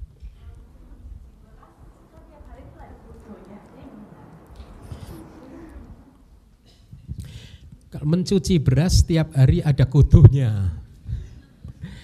Kan bisa kan dipakai? Kan tiap hari. Ha, ha, iya. Uh, enggak. Saya lagi mengingat aktivitas saya dulu sebelum jadi biku di hutan suka mencuci beras juga waktu di Jawa Timur begitu. Se sepertinya kalau kita begini kan kan kutunya pada keluar kan. Makanya biasanya kalau orang desa ya, saya dulu saya melakukan itu di hutan di Gunung Lawu itu. Di apa? Ya, jadi kutunya loncat-loncat semua gitu. Enggak enggak langsung di ya butuh butuh usaha dikit lah ya uh -uh.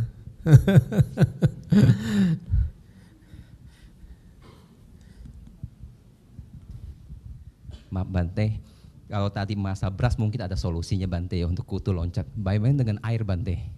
Kita harus rebus air. Saya itu kita tahu bahwa dalam air itu ada bakteri atau gimana. Otomatis membunuh juga Bante. Gimana Bante? Bante.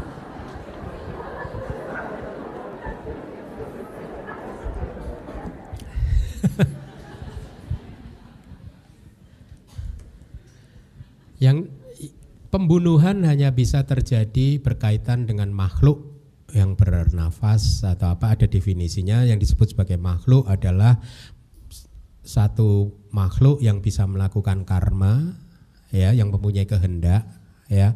Kemudian yang mempunyai kesadaran. Jadi itu definisi-definisi makhluk. Mempunyai indera kehidupan mental dan indera kehidupan uh, tubuh jasmani. Banyak definisinya.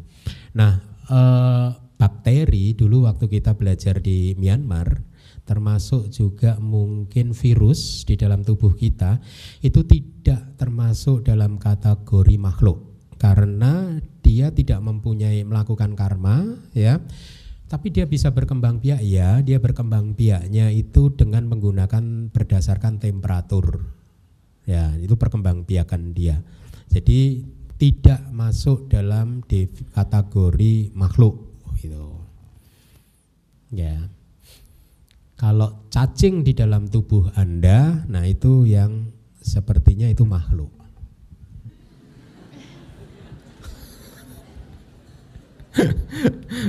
Sepertinya loh ya, saya waktu itu diskus uh, kita waktu belajar winaya dulu itu sepertinya begitu. Saya beruntung bahwa saya dari kecil seingat saya tidak pernah minum obat cacing. Jadi terhindar. begitu ya, oke. Okay. Ada lagi terakhir mungkin? Nggak mau boleh ya Bante. Berdiri berdiri. Nah. Uh, saya mau tanya uh, tentang ke Sila tentang minuman ya. Uh, ini sih persepsi saya. Uh, ini saya mau lurusin persepsi aja. Uh, persepsi saya kan uh, kalau minum itu selagi tidak memabukkan itu tidak masalah, hanya dengan kebijaksanaan. Sedangkan di Sila kan mengatakan tidak mengkonsumsi minuman keras ya. Uh, bagaimana uh, dengan mengkonsumsi dengan kadar tertentu hanya untuk obat? Makasih Bante. Satu, sila itu bukan melarang kita kata-katanya bukan melarang untuk tidak untuk melarang kita meminum alkohol, tapi sila adalah melatih diri untuk menjauhkan diri dan menghindari. Beda loh. Dihindari, dijauhi. Ya. Lalu bagaimana Bante kalau itu obat? Emangnya obatnya hanya itu aja. Emang nggak ada obat yang lain. Kok milihnya obatnya yang itu?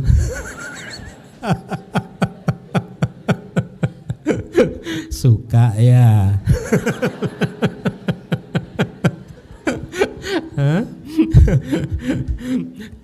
Doyan ya. ya begitu. Pilihlah obat yang lain. Ya dijauhi, dijauhi, hindari, jauhi. Ya, oke.